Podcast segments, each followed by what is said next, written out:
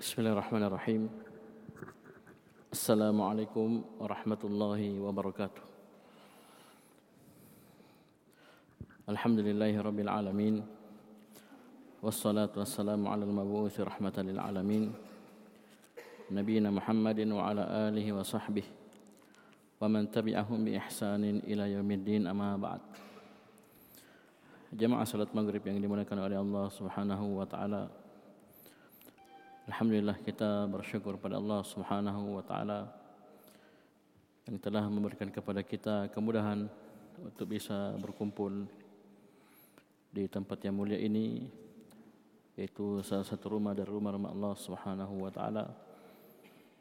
Kita duduk berkumpul untuk sebuah amalan yang sangat mulia yaitu talabul ilmi mempelajari Al-Quran dan Sunnah yang mana hendaknya setiap dari kita meniatkan dengan amalan tersebut untuk meraih kemuliaan di sisi Allah Subhanahu wa taala. Dan insyaallah di malam hari ini kita akan melanjutkan pelajaran kita membaca kitab Al-Kabair karya Al-Dhahabi rahimahullah kitab yang berisi tentang penjelasan dosa-dosa besar secara global maupun secara terperinci. Dan beliau di sini di kitab ini cetakan yang kita pegang itu menyebutkan 76 dosa besar. Dan alhamdulillah kita sudah masuk di dosa besar yang ke-20. Tape. Dosa besar yang ke-20 itu al-zulmu bi akhdhi amwalin nasi bil batil itu kezaliman dengan cara mengambil harta manusia dengan cara yang batil Taib. dan uniknya ini pembahasan ini dosa besar yang ke-20 ini ini diapit dengan dua, besar, dua dosa besar yang semisal yang berhubungan dengan harta yang sebelumnya al-gulul. Ya, al-gulul. Antara bentuknya mengambil harta rampasan perang sebelum dibagi. Itu yang ke-19. Adapun yang ke-21 setelah ini nanti as-sariqah, mencuri. Adapun yang di tengah ini yang ke-20 ini lebih umum. Mencakup seluruhnya. Mencakup seluruhnya. Az-zulmu bi akhdhi amwalin nasi bil batil. Itu kezaliman dengan bentuk mengambil harta manusia dengan cara yang batil. Taib. Kemudian terakhir di sini kita tandai di poin dalil 160, nomor 160. Yang mana sebelumnya Ad-Dhahabi mengucapkan wa min akbari zulmi dan di antara kezaliman yang paling besar adalah al-yaminul fajirah ala haqqin alaihi. Itu sumpah yang dusta yang palsu atas hak yang ada pada dirinya. Disebutkan oleh Syekh Abdul Razak hafizahullah ya. Contohnya seperti seorang memiliki tanggungan utang yang harus dia bayar kepada saudaranya yang lain. Tapi dia bersumpah ya, berdusta kemudian bersumpah bahwasanya dia tidak pernah berutang. Ya dia tidak pernah berutang kepada saudaranya tersebut. Karena dia inginkan adalah yatakhallasu biha min hukm min hukmin dunya. Dia ingin lepas dengan sumpah tersebut dari hukum di dunia. Maksudnya kalau dia sumpah diakui kan dia tidak usah bayar. Dia tidak usah bayar. Akan tetapi ingat ini ancamannya sangatlah besar. Ya, ini ancamannya sangatlah besar. Dan sudah berlalu juga dari dalil itu mengambil sejengkal tanah dengan cara yang zalim. Ya, bukan tanahnya dia merubah batas tanah, dia ambil tanah orang lain dengan cara yang zalim. Ini juga berat hukumannya. Karena sejengkal tanah ini akan dikali tujuh lapis bumi kemudian akan dikalungkan di lehernya nanti pada hari kiamat. Alhamdulillah. sini sumpah yang fajirah. Taib. Perhatikan kata Az-Zahabi rahimahullah wa qala Rasulullah sallallahu alaihi wasallam man qata man qata'a haqqam ri'in muslimin bi yaminihi faqad awjaba Allahu lahu an-nar. Rasulullah sallallahu alaihi wasallam bersabda barang siapa yang mengambil hak seorang muslim biyaminihi dengan sumpahnya. Jadi siapa siapa saja di sini masuk umum siapa pun dia yang mengambil hak seorang muslim dengan sumpahnya. Ya, dan contohnya tadi, ya, saudaranya tersebut punya hak atas dirinya berupa piutang ya, yang harus dia selesaikan. Tapi dia mengaku tidak. Ya, saya tidak pernah berutang. Atau mungkin antum salah orang. Kemudian dia sumpah. Ya. Di dunia mungkin dia bisa selamat dalam artian dia tidak usah membayar utangnya. Tapi apa kata Nabi sallallahu alaihi wasallam? Kalau dia sudah seperti ini modelnya, dia mengambil hak saudaranya, hak seorang muslim dengan biyaminihi dengan sumpahnya, maka faqad awjaballahu lahun nar. Maka sungguh Allah Subhanahu wa taala telah mewajibkan atas dirinya neraka telah mewajibkan atas dirinya neraka. Dan lafaz-lafaz seperti ini ketika suatu perkara diancam dengan neraka maka ini adalah ciri dosa besar. Oleh karena itu Az-Zahabi rahimahullah sendirikan pembahasan ini. Sendirikan pembahasan itu az-zulmu bi akhdhi amwalin nasi bil batil. Karena banyak bentuknya dan di akhir nanti beliau akan sebutkan bentuk-bentuk yang lebih luas. Ya, yang mana sebelumnya gulul juga beliau sebutkan dalilnya seperti yang saya sudah lingkari di sini. Taib tentang gulul. Ini masuk juga dalam bab ini. Jadi barang siapa yang mengambil hak seorang muslim dengan sumpahnya maka sungguh Allah Subhanahu wa taala telah mewajibkan atas dirinya neraka. Ya, qada di sini masuk kepada fi'il madhi yang menunjukkan tahqiq pastinya hal tersebut. Tapi ingat dari dalil seperti ini jangan langsung kita pahami bahwasanya pelakunya itu akan kekal di dalam neraka. Ya, karena di sini lafadznya Allah Subhanahu wa taala telah mengharuskan untuknya neraka. Tidak ada lafaz ya kekal. Ya. Taib. Gila maka dikatakan kepada Rasulullah sallallahu alaihi wasallam, "Ya Rasulullah, wa in kana syai'an yasiran" Ya Rasulullah, apakah Allah Subhanahu wa taala akan mewajibkan atas dirinya neraka walaupun hak yang diambil itu sesuatu yang sedikit saja? Syai'an yasiran sesuatu yang remeh kecil sedikit ya diambil dengan sumpahnya? Maka apa kata Nabi SAW wa in kana qadiban min arak walaupun dia mengambil sepotong kayu arak kayu arak ini yang dipakai siwak. Pernah lihat siwak yang dipakai untuk di gigi itu membersihkan gigi mulut? Itu namanya kayu arok. Kayu arok.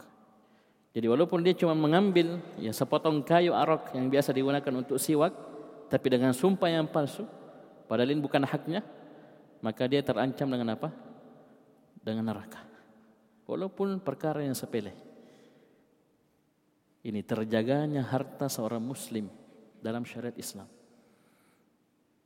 Jadi walaupun cuma sepotong kayu siwak ya kayu siwak Taib, diambil dengan sumpahnya padahal ini bukan haknya maka naudzubillah ini terancam dengan neraka. Bagaimana lagi yang lebih mahal yang lebih berharga daripada kayu siwak yang lebih bernilai berkali-kali lipat bahkan ribuan kali lipat coba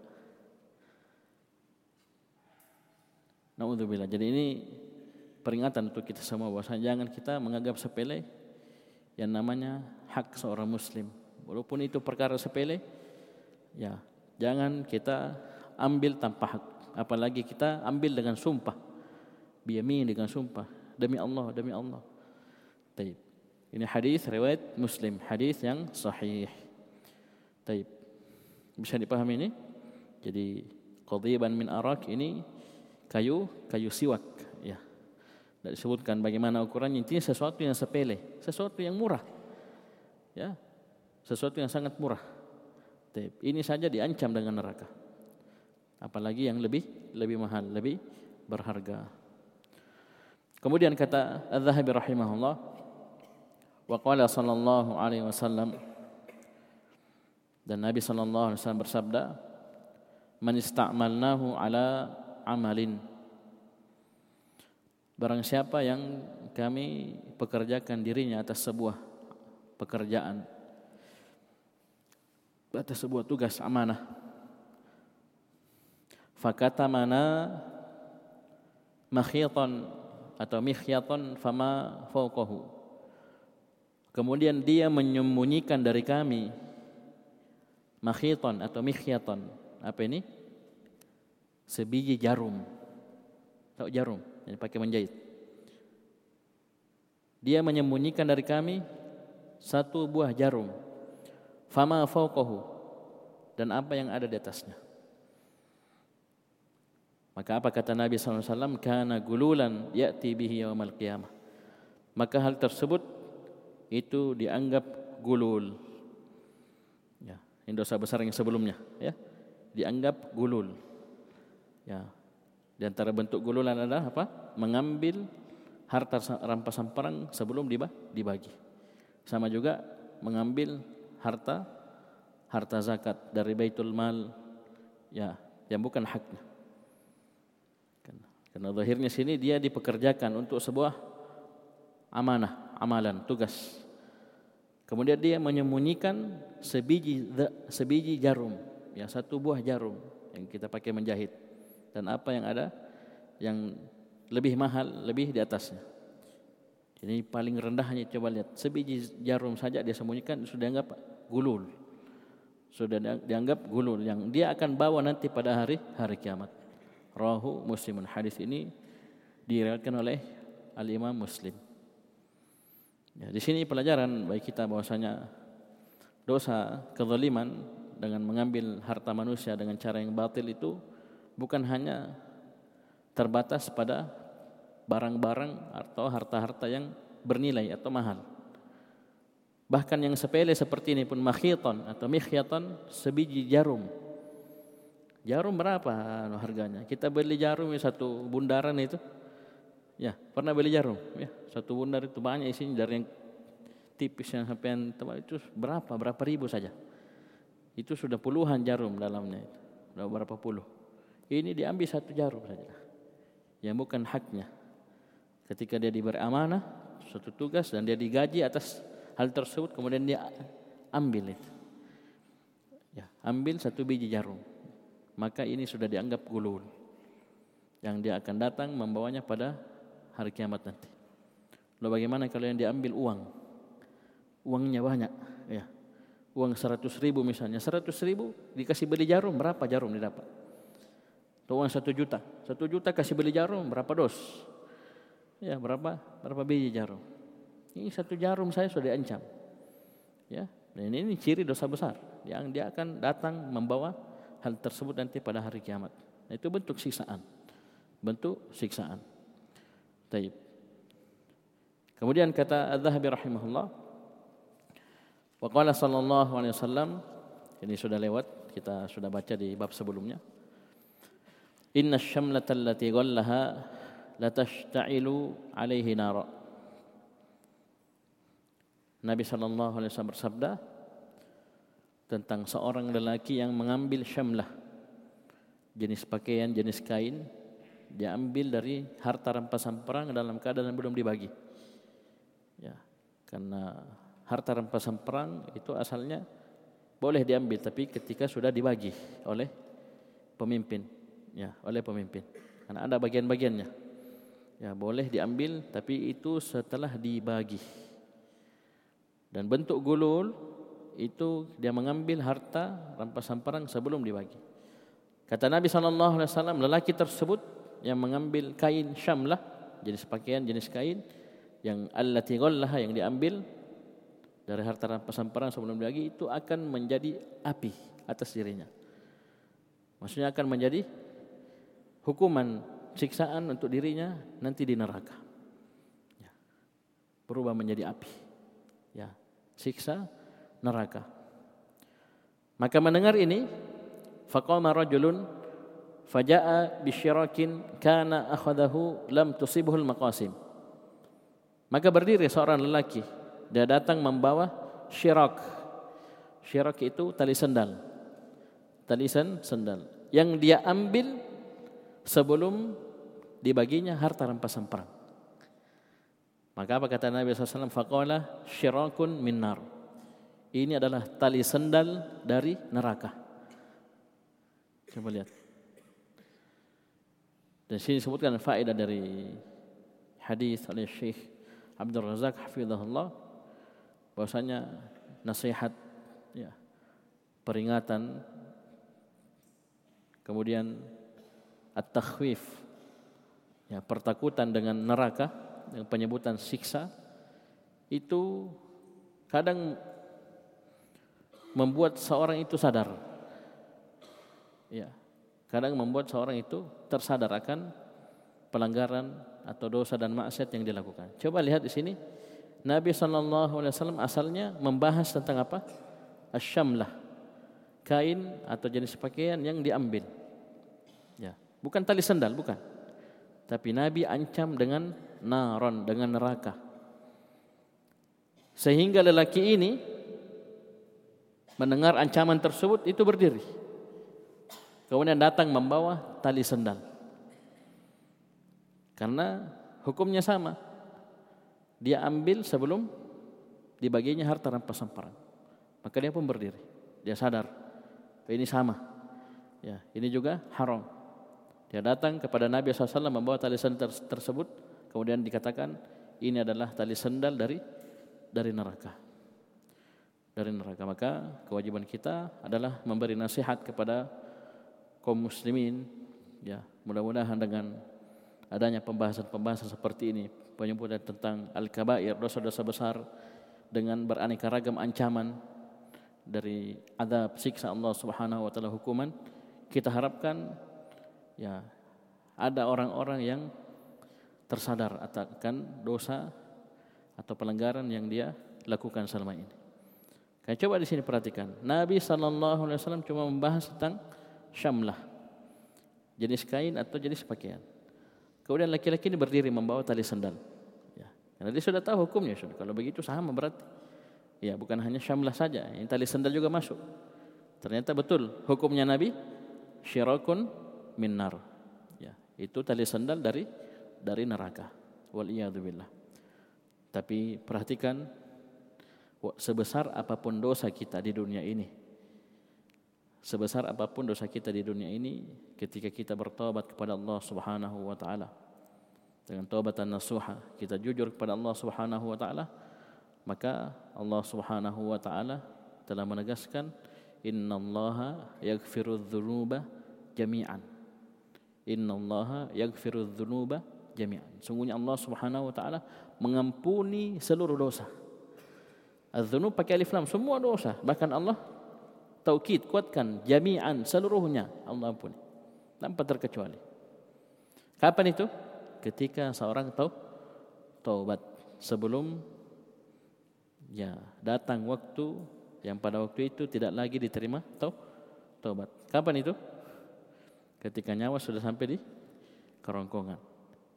Dan ketika matahari terbit dari sebelah sebelah barat. Jadi tidak ada masalah. Ketika dia tersadar ya akan dosa dan maksiat yang dia lakukan, dia ikut hadir majelis ilmu, dia mendengarkan ceramah agama misalnya, diingatkan tentang dosa kemudian tersadar, jangan dia gengsi. Jangan dia malu. Akan tetapi segera dia manfaatkan kesempatan tersebut ketika dia tersadar untuk bertobat kepada Allah Subhanahu wa taala. Maka insya Allah Allah Subhanahu wa taala akan ampuni dosa-dosanya. Allah akan ampuni dosa dosa-dosanya. Dan khusus untuk al-kabair, dosa-dosa besar kita sudah sebutkan di awal-awal pembahasan bahwasanya ini dosa hanya bisa terhapus dengan apa? Dengan tau taubat. Berbeda dosa kecil. Dosa kecil itu bisa terhapus dengan amalan-amalan so soleh. Tapi ingat jangan kita remehkan yang namanya amalan-amalan soleh. Ya, apalagi dia disifatkan sebagai penghapus dosa. Jangan. Ya, ketika Nabi menyebutkan misalnya amalan ini menggugurkan dosa, menghapuskan dosa, ya seperti puasa misalnya, ya Man shoma Ramadhana imanan wa ihtisaban ghufira lahu ma taqaddama min dzambi barang siapa yang berpuasa pada bulan Ramadan dia berpuasa karena keimanan dan mengharap pahala maka akan diampuni dosanya yang telah lalu. Karena disebutkan oleh para ulama bisa jadi amalan tersebut misalnya dia punya dosa besar. Ya, dia belum bertobat. Tapi dia amalkan amalan soleh dengan harapan dosa-dosanya diampuni. Bisa jadi amalan soleh tersebut menjadi sebab dia bertaubat kepada Allah Subhanahu wa taala. Amalan tersebut menjadi sebab dia bertaubat kepada Allah Subhanahu wa taala. Yang mana dengan taubat tersebut Allah ampuni dosa-dosa besar yang dia sudah laku, lakukan. Jadi tidak secara langsung amalannya langsung menghapus tidak. Tapi Allah beri taufik dia untuk melakukan amalan soleh berupa taubat yang menghapus dosanya. Oleh karena itu jangan heran ketika kita dapat hadis ada seorang wanita pezina yang memberi makan atau memberi minum seekor anjing yang sangat kehausan. Kemudian Allah masukkan ke dalam sur surga jangan heran. Karena itu ada proses.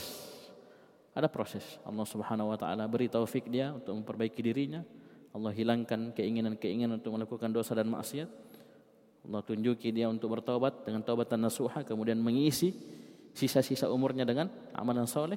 Yang mana dengan sebab itu dia masuk surga masuk surga. Taib. Dan itu sudah ada cerita-cerita disebutkan oleh para ulama tentang kisah-kisah seperti itu. Kisah-kisah seperti itu. Ya, ada sebuah amalan soleh yang dia lakukan padahal dia penjahat, dia pelaku dosa dan maksiat.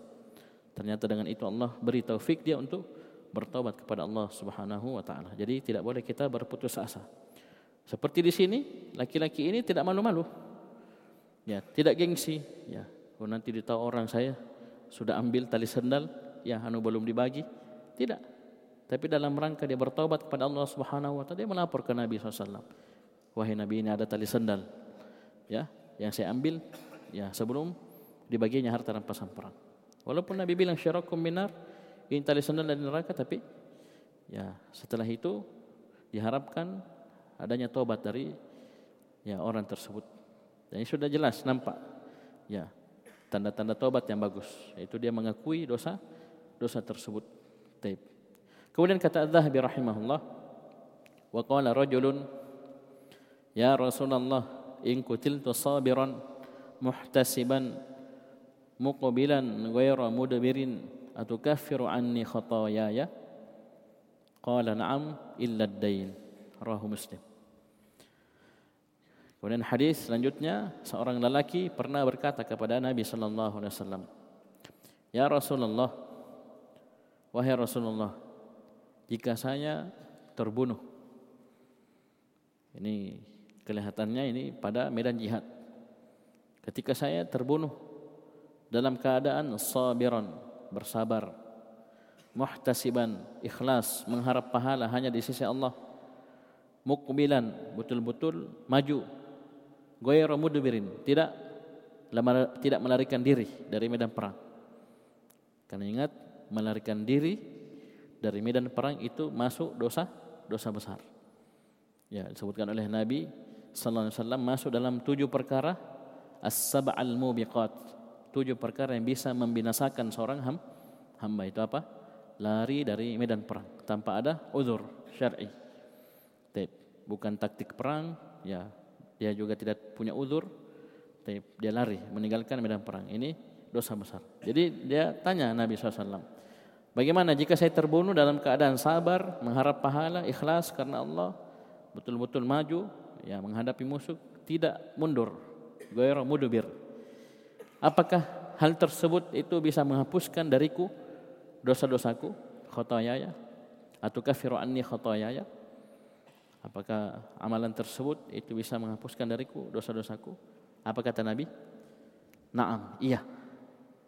Illa dain kecuali utang. Kecuali u utang. Tahu utang?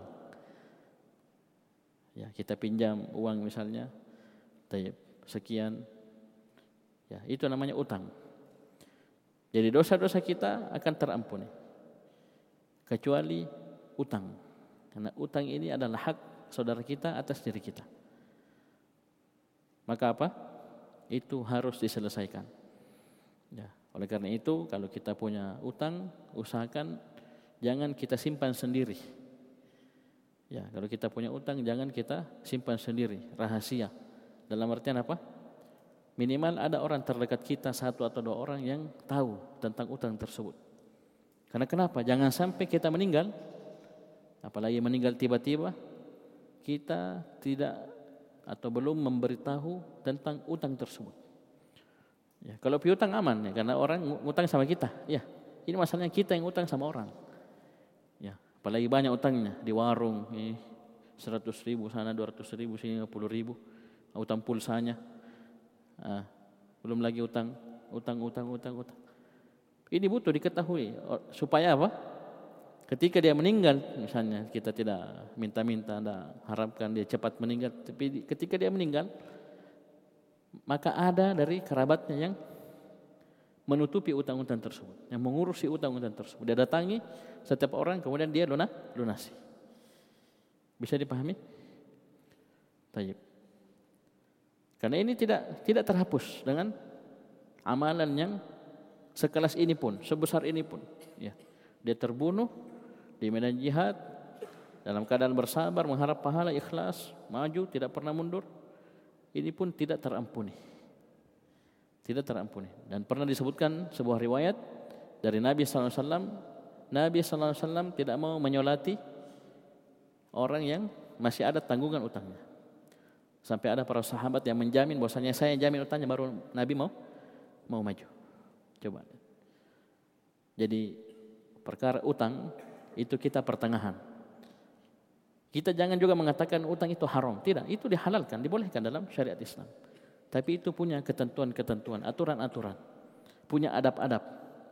Ya, yang punya utang, ya, yang punya uang, itu punya adab-adab, punya aturan-aturan. Ya, tidak boleh riba, ya, tidak boleh ada bunga, dan seterusnya. Dan bagi kita yang memiliki piutang, yang punya uang, kita kasih pinjam ke orang, itu di antara ladang pahala untuk kita adalah kita memberi tangguh kepada saudara kita yang berutang. Ini banyak tidak ditahu sama orang. Intinya dia kalau orang punya utang sama dia, ya intinya dia nagih, nagih, nagih. Paham ini? Padahal kalau dia sabar, dia memberi tangguh kepada saudaranya ini yang punya utang ini, itu ladang pahala untuk dirinya. Ladang pahala. Bahkan ini di antara golongan yang mendapatkan naungan nanti pada hari kiamat. Hari kiamat. Man anzara ala mu'sirin. Ya, barang siapa yang memberikan tangguh kepada orang yang sulit membayar utangnya. Istilahnya macet cicilannya ya cicilan syar'i ya kalau riba lain lagi ceritanya ya paham ini dia bersabar memberi tangguh apalagi dia maafkan sebagian utangnya apalagi dia maafkan seluruhnya. Bisa dipahami? Maka kita latih diri ketika kita diberi kelebihan oleh Allah Subhanahu wa taala. Kita bisa bantu saudara kita maka beri kemudahan. Kita kasih pinjam sekian sekian. Kita lihat orangnya amanah bagus maka kita kasih. Ketika dia misalnya berat membayar ya masih sulit cari kerja tapi jangankan bayar cicilan utang ya beli beras saja susah ya beli makanan pokok saja susah maka kita di situ ladang pahala untuk kita ya tapi bisa dipahami dan ketika misalnya saudara kita ini tiba-tiba meninggal misalnya, masih ada tanggungan utangnya. Kita coba latih diri ini, ya. Paham? Latih diri ini ketika dia sudah meninggal sudah tidak usah bebani keluarganya. Maafkan utang tersebut. Kalau perlu sampaikan ke keluarganya. Bahwasanya saudara kita ini punya utang sama saya dan saksikan bahwasanya saya maafkan utang tersebut. Ya. Dan itu nasihat dari guru kita Ustaz Khaidir Hafizahullah ketika ada nasihat di kuburan diingatkan tentang apa mayit tersebut. Misalnya dia punya utang punya salah dimaafkan ya. Semoga Allah Subhanahu wa taala ketika kita yang seperti itu mungkin kita punya utang. Ya kita punya utang ya kita belum sempat bayar kemudian kita ditakdirkan meninggal sebelum itu Allah balas dengan balasannya sama ya, bukan harap bukan pujian manusia bukan apa yang kita harapkan tapi ridha Allah Subhanahu wa taala. Dan apa juga kalau misalnya kita mau nagih itu hak kita silahkan. Tapi ingat itu punya adab-adab. Bukan mentang-mentang dia utang sama kita, baru kita seenaknya mem mempermalukan dirinya dan seterusnya tidak. Tidak boleh seperti seperti itu. Tapi bisa dipahami? Jadi ini utang ini menunjukkan besarnya hak seorang muslim. Ya. Jadi dia ampuni dosa-dosanya kecuali utang. Karena utang harus diselesaikan. Harus di, dibayar. Taib. Hadis ini riwayat Muslim. Kemudian kata Az-Zahabi rahimahullah Wa qala sallallahu alaihi wasallam inna rijalan yatakhawwaduna fi malillahi bighairi haqqin falahumun naru yaumal qiyamati rawahu al-bukhari hadis riwayat bukhari Taib. Rasulullah sallallahu alaihi wasallam bersabda sungguhnya ada rijalan lelaki-lelaki yang yatakhawaduna fi malillah. Apa artinya yatakhawaduna fi malillah? Di sini dijelaskan oleh Syekh Abdul Razak Allah. Ai la yubaluna fil mal. Kaifa hassala alaih wa kaifa iktasaba. La yubali. Bentuknya apa arti dari makna yatakhawadun? Itu orang-orang ini ini tidak peduli dalam masalah harta bagaimana dia dapatkan harta tersebut, ya, bagaimana caranya. Dia tidak peduli, yang penting dapat. Ini maksudnya tahawaduna fi malillah bi ghairi hak. Taib. Jadi mereka tidak peduli bagaimana cara mereka mendapatkan harta tersebut. Ya, padahal ini sudah diingatkan oleh Nabi sallallahu alaihi wasallam, la tazulu qadama 'abdin yaumal qiyamati hatta yus'ala an arba tidak akan bergeser kedua kaki seorang hamba nanti pada hari kiamat ketika dia berdiri di pada mahsyar di hadapan Allah Subhanahu wa taala sampai dia ditanya tentang empat pertanyaan. Ya, menyebutkan lima. Taib. Di antaranya adalah an malihi, dia akan ditanya tentang hartanya untuk harta ini saking beratnya urusannya itu dua pertanyaannya. Ya. Sekali lagi saya ulangi kedua kaki seorang hamba tidak akan bergeser nanti pada hari kiamat sampai dia ditanya tentang empat perkara. Di antaranya adalah tentang harta. Harta ini pertanyaannya dua. Yang pertama min ainak tasabahu. Dari mana dia peroleh harta tersebut? dari mana, dengan cara bagaimana dia dapatkan harta tersebut. Coba perhatikan. Karena cara itu mungkin bisa dapat dari yang halal, bisa yang haram. Ya. Caranya juga seperti itu. Ada cara yang halal, cara yang haram. Pekerjaan halal, haram. Dan sampai di situ ditanya lagi, wa fima anfaqahu. Dan pada perkara apa dia belanjakan. Coba ini harta ya. Jadi bukan berarti Ustaz ini halal ini Ustaz. Harta halal saya berdagang saya begini. Iya, taib. Ini harta halal. Ini hak kita. Tapi nanti juga kita akan ditanya ini harta halal ini kita pakai apa? Ya. Apa kita pakai pada perkara yang sia-sia, apalagi perkara dosa dan maksiat? Apalagi dosa-dosa besar? Ya dari kesyirikan, kekufuran, bid'ah-bid'ah. Kita infakkan harta kita ter, apa di pada perkara tersebut. Atau perkara dosa dan maksiat itu akan ditanya. Akan dita ditanya. Bisa dipahami? Jadi bayangkan ini dua. Di sini disebutkan lelaki-lelaki ini ini tidak peduli tentang harta. Mereka dapat harta dengan cara yang benar atau yang salah dari sumber yang halal atau haram maka apa ancaman untuk orang-orang ini falahumun naru yaumal qiyamati. Maka untuk mereka an-naru neraka nanti pada hari hari kiamat. Hadis ini riwayat Bukhari. Riwayat Bukhari. Tayyib. Ini tentunya motivasi untuk kita semua untuk semangat belajar sehingga kita tahu bagaimana cara-cara mencari rezeki yang halal. Dalam hukum Islam ini halal, pekerjaan boleh. Ya. Nah, sebagian kadang kita butuh tanyakan pertanyaan apa pekerjaan kita seperti ini boleh enggak halal enggak itu dengan bela dengan belajar dengan belajar. Taib.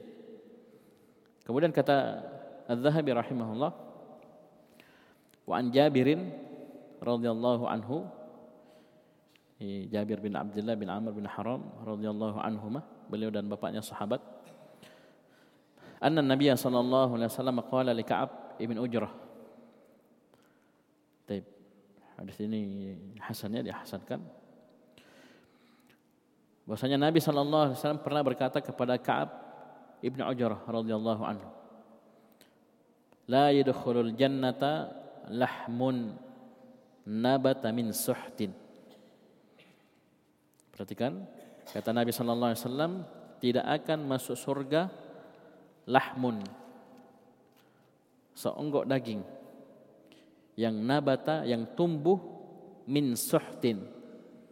As-suht sini al-haram kata Syekh Abdul Razak bin Abdul Muhsin al-Labat al-Badar sini yaitu al-haram jadi tidak akan masuk surga daging yang tumbuh dari perkara yang haram apa maksudnya daging ya ini anggota tubuh kita ya Anggota tubuh kita, kita maksudnya. Ya. Karena makanan itu ya kan menjadi menjadi daging, tumbuh. Ya. Jadi dia akan masuk surga daging yang tumbuh dari perkara yang haram. Kemudian kata Nabi, an-naru aulabih. Neraka itu lebih pantas untuk daging seperti itu. Yang tumbuh dari perkara yang haram. Ini disebutkan sahihun ala syarti syekhain. Disebutkan oleh Al-Zahabi rahimahullah. Hadis ini sahih di atas syarat Bukhari dan Mus Muslim. Hadis ini hasan di hasankan. Taib. Ini peringatan untuk kita jangan bergampangan dengan harta yang haram. Ya. Ya, jangan karena haram yang syubhat saja itu kita tinggalkan. Ya. Paham ya? Yang syubhat, yang tidak jelas itu tinggalkan. Oleh karena itu kata Nabi SAW, "Faman ittaqa syubhat faqad istabara'a li dinihi wa irdihi." Barang siapa yang meninggalkan perkara-perkara syubhat. Maksud antaranya harta syubhat. Dia tinggalkan. Ini maksudnya tidak jelas halal haramnya. Kalau jelas jelas haramnya tinggalkan ya. Tidak ada keraguan lagi. Jadi harta syubhat dia tidak tahu ini halal haram, tinggalkan. Karena barang siapa yang meninggalkan perkara syubhat maka sungguh dia telah menjaga dirinya dan kehormatannya. Taib. Bisa dipahami? Jadi sini diancam oleh Nabi SAW tidak akan masuk surga. Nah, lafaz-lafaz seperti ini kita sudah jelaskan apa maksudnya sini. La yadkhulul jannata apakah betul-betul haram surga atasnya tidak bisa masuk masuk surga? Maka kita jelaskan berulang-ulang kali bahwasanya lafaz-lafaz seperti ini ini kadang digunakan oleh orang-orang khawarij yang mengatakan pelaku dosa itu kekal di dalam neraka dan tidak ada pendalilan untuknya di sini. Kenapa kata para ulama la yadkhulul jannata itu maksudnya apa? Di antara maknanya apa? La yadkhulul jannata dukhulan awwaliyan. Dia tidak masuk surga pertama kali. Maksudnya apa? dia pasti sing singgah di neraka. Itu maksudnya. Tidak akan masuk surga, tidak masuk langsung. Tapi dia singgah di neraka dulu, disiksa. Nanti setelah apa disiksa, dia dimasukkan ke dalam surga. Karena akidah kita, keyakinan kita, seorang yang masih memiliki keimanan di dalam hatinya walaupun sebiji darah itu tidak akan mungkin kekal di dalam neraka. Pasti kalau keluar dari neraka, masuk ke dalam surga. Sebanyak apa pun dosanya, ketika dia masih memiliki keimanan tauhid dalam hatinya, maka pasti dia akan keluar. Jadi tidak ada pendalilan untuk khawarij di sini.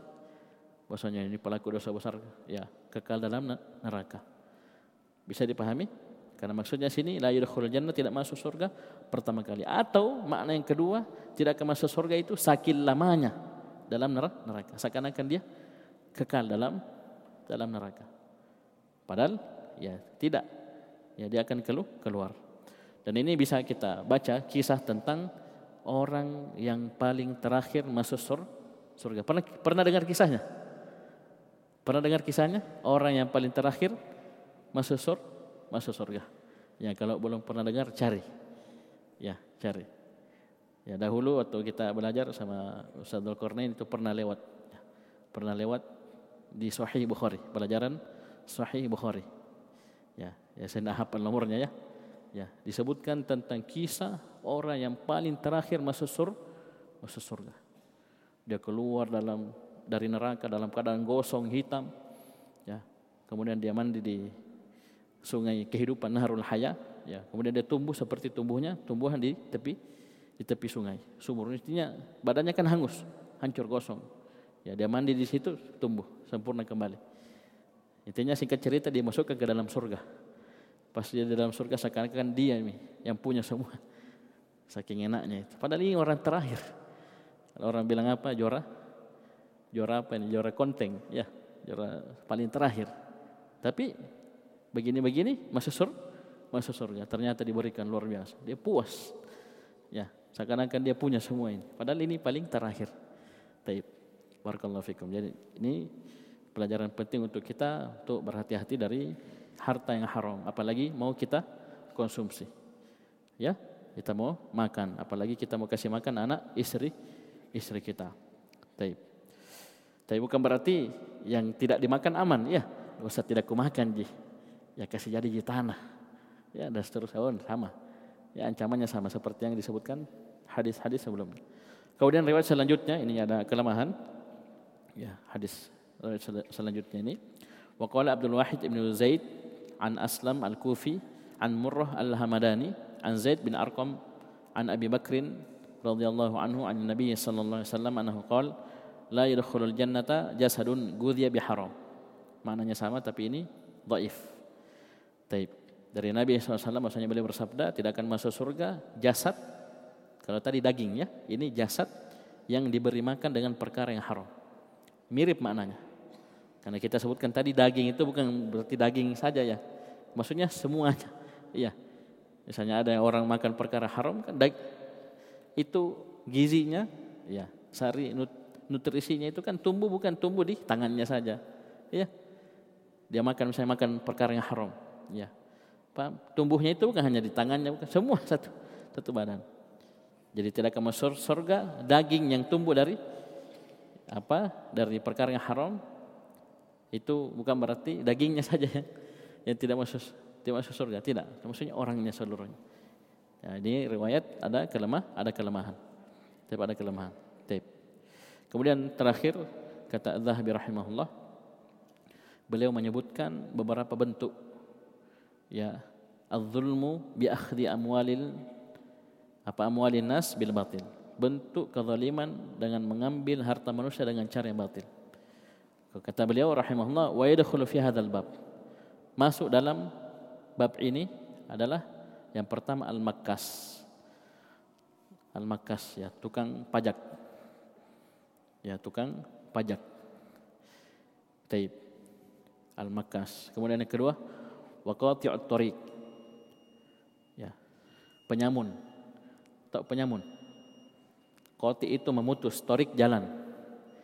Dia biasa menghadang di jalan, dia kasih berhenti kita, kemudian diambil isi mobil kita, barang kita, atau seperti yang ada di Indonesia itu apa namanya bajing loncat ya, ada truk, ada yang lompat, dia tunggu di mana begitu. Ya, Sumatera banyak ya, ini orang Padang ini, ya, Taib.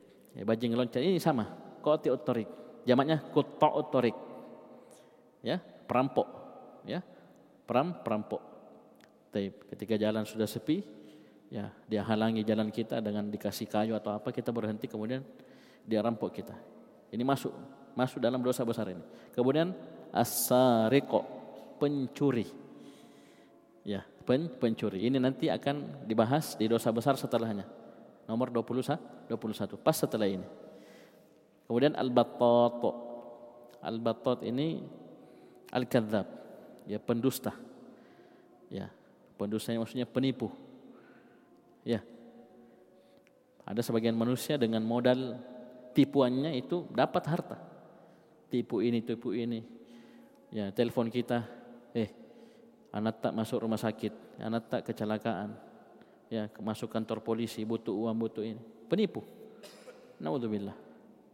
Ya, al-kadzab, penipu. Ini masuk semua. Al-khain, ya, orang yang berkhianat, ya dikasih amanah menjaga ini, menjaga ini, ya. Apalagi jaga uang ya, kasir, kemudian dia khianat, diambil yang bukan haknya. Kemudian az-zuguli. Az-zuguli ini al-ghasyash. Taib. Ini mirip dengan apa? Penipu, ya. Penipu al-ghasyash. Taib. Kemudian yang selanjutnya man ista'ara syai'an fajahadahu. Orang yang meminjam sesuatu kemudian dia ingkari. Ya, dia meminjam sesuatu kemudian dia ingkari. Bila saya tidak pernah pinjam. Ya, kan jadinya apa? Jadi miliknya kan? Ya. Ya, pernah pinjam ini, pinjam uang, pinjam ini, kemudian dia ingkari, tidak pernah saya pinjam, padahal pernah. Ya, makanya masuk semua. Karena ini masuk dalam bentuk mengambil harta manusia dengan cara yang batil. Kemudian waman taffafa fil wazni wal kail. Orang-orang yang taffafa, curang. Wailul lil mutaffifin. Wailul lil mutaffifin. Ini bahkan ada ya ayat khusus tentang orang-orang yang curang ini. Fil wazn dalam timbangan wal kail dan takaran. Timbangan itu kilo, ya, kilogram, gram, paham ton. Kalau kail itu takaran seperti liter, ya satu ember. Taib. Ini beda. Ada takaran, ada timbangan, ada volume, ada berat. Ya, ada berat. Taib. Ini masuk semua, masuk dalam ya dosa besar ini yang ke-20. Kemudian wa malil taqata malan falam yu'arrifu. Orang yang mendapati memungut sebuah harta, sebuah barang, harta, kemudian dia tidak mentakrif. Misalnya dia nemu HP, nemu dompet, apalagi banyak isinya, diambil. Ya. Jangan dia katakan oh, ini hak saya ini, saya yang dapat. Karena kewajiban kita ketika kita dapat barang-barang ya yang seperti ini itu kewajiban kita mentakrif, mengumumkan barang ini. Ada barang seperti ini. Ditemukan di daerah ini. Siapa yang punya? Ya kalau kita sekarang alhamdulillah mudah ya. Kalau kita sekarang ada barang-barang begini, pergi ke mana? Pergi rumah, pergi di rumah dibongkar. pergi mana? Umar. Umumkan di mana? Instagram. Hah? Bawa ke kantor polisi. Karena kebiasaan kita kalau ada barang-barang begini cari di kantor polisi. Nanti polisi yang urus, yang umumkan. Ya, nanti polisi yang umum umumkan. Bahwasanya Pak ini ada dompetnya begini, begini, begini. Bisa dipahami? Itu kalau kita tidak harus ya, tidak harus. Kalau kita mau umumkan sendiri silakan. Ya, di media sosial misalnya di umumkan ada ditemukan begini begini begini. Taib. Nanti dites, ya misalnya di dompet, ya dompet ah, siapa namanya, ya apa isinya, warna apa, nah, itu kita tes. Jangan semua yang mengaku kita kasih, ya ambil nih, anu tak. Sampai penipu, ya paham? Taib. Sampai seperti itu pun ada penipunya, ada penipunya. Ngaku-ngaku punyanya padahal bu, bukan. Nauzubillah. Kemudian wa man ba'a syai'an fihi aibun faqad Barang siapa orang orang yang menjual sesuatu yang padanya ada cacat. Ya ba'a dia menjual sesuatu yang pada barang tersebut itu ada cacatnya. Kemudian dia tutupi. Jadi bukan berarti kita tidak boleh jual barang cacat, tidak. Boleh. Ya, boleh kita jual barang cacat. Ini HP, ini HP sudah pernah jatuh 10 kali. Ya, ini layar anunya sudah ya blank-blank misalnya, ya sering mati-mati sendiri dan seterusnya. Kita jelaskan, boleh. Dengan catatan apa? Kita jelaskan aib tersebut. Ya, ya sekali saya ulangi, boleh kita menjual barang yang ada cacatnya. Dengan catatan apa? Kita jelaskan cacat tersebut. Sering ciri-cirinya kalau perlu. Di sini yang masuk pada dosa besar ini adalah orang yang menjual sesuatu, ada aibnya, ada cacatnya, tapi nacakoi. Dia tidak bilang sama calon pembelinya. Dia sembunyikan, dia tutup, apalagi dia poles. Oh, ya ada minta gores begini, nah, poles supaya orang lihat, eh tidak dia tahu, mulus. Ya, pasti bawa pulang ke rumah baru dia tahu. Naudzubillah. Ini masuk dalam dosa besar yang ke-20 ini. Kemudian wal muqamir. Apa muqamir ini? Botor, judi. Ya, judi. Oh, saya menang. Nah, itu berarti kau sudah ambil harta manusia dengan cara yang batil. Jangankan menang, kalah saja judi itu sudah dosa dosa besar. Ya. Jadi menang atau kalah sama aja. Ya, taib. Kemudian yang terakhir wa mukhbiril mushtari bizaid. Orang yang mengkhabarkan kepada calon pembeli dengan harga yang lebih. Ini Allah alam, ya, mungkin yang dimaksud adalah orang yang tidak ada niatan membeli kemudian menawar di atas harga yang sudah disebutkan oleh calon pembeli sehingga harga naik Padahal ini orang tidak ada nih niat untuk membeli. Ini biasanya sekongkol dengan penju, penjual. Intinya dia sekongkol atau tidak ketika dia menawar harga lebih dari tawaran sebelumnya dan tidak ada niatan untuk membeli, maka dia sudah masuk dalam kezaliman ini. Karena kenapa? Harganya naik padahal tidak ada hajat. Ya. Dia juga nawar, dia kasih naik harga begini padahal tidak mau tidak mau beli. Jadinya apa? Harganya Ya. Yang mestinya tadi sudah bisa dibeli orang sebelumnya dengan harga sekian, ya, karena dia tawar lagi, naik lagi tambah mahal. Apalagi sekongkol. Ya, kadang seperti itu banyak dalam urusan harta itu. Ya, banyak ya pelanggaran ya. Banyak dosa dan maksiat dan pelanggaran di situ. Dan rata-rata ancamannya apa? Ancamannya neraka, siksa, adab di akhir di akhirat. Insya Allah pertemuan setelah ini kita masuk ke dosa besar yang ke-21 yaitu as-sariqah. Luka ya, mencuri.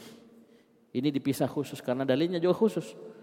Ya, kalau yang ke-20 ini umum-umum, bahkan masuk beberapa yang kita sebutkan tadi. Di sini khusus. Taib. Taib. Apa itu dosa besar? Yaitu mencuri.